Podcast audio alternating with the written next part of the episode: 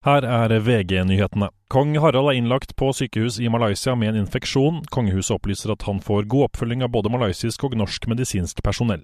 Han er jo i den alder at, uh, hvor uh, sånne type infeksjoner kan bli ganske vanskelig. Og så er han jo, han er jo statsoverhode og er på det vis også under konstant uh, legeovervåkning. slik at de vil jo ikke ta noen sjanser når det skjer noe sånt og kongen vår får problemer med pusten. Sa kommentator Yngve Kvistad.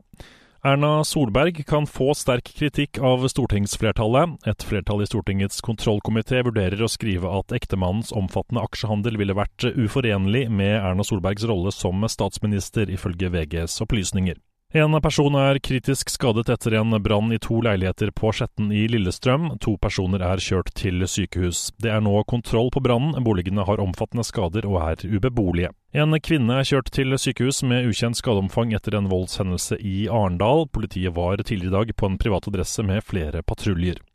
I studio Andreas Hagen Håkonsen, nyhetene får du alltid på VG.